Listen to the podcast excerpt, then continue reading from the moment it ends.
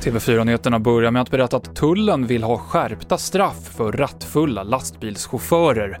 Idag är det promillehalten som avgör hur hårt straffet blir, men tullkriminalens chef säger att eftersom det är större risk för allvarliga olyckor med stora, tunga fordon så borde det alltid bedömas som grovt rattfylleri när lastbilschaufförer är berusade bakom ratten.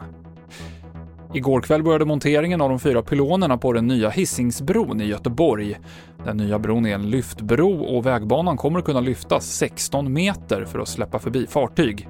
Den nya bron ska stå klar nästa år och då kommer den nuvarande Göta älvsbron att rivas.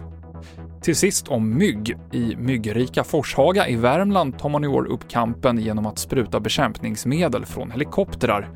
Men i södra Sverige är det generellt färre mygg än vanligt. Det säger myggforskaren Anders Lindström. Bor man eh, där det är mycket vatten, alltså vatten, fuktighet, kärr och, och sjöar och sånt där, då kan det ju vara mycket mer. Men de här skogsmyggorna som kläcks i pölar och diken ute i skogen, de verkar ha ett lite sämre år på grund av att vi hade en ganska torr vår. Och det avslutar TV4-nyheterna med Mikael Klintevall.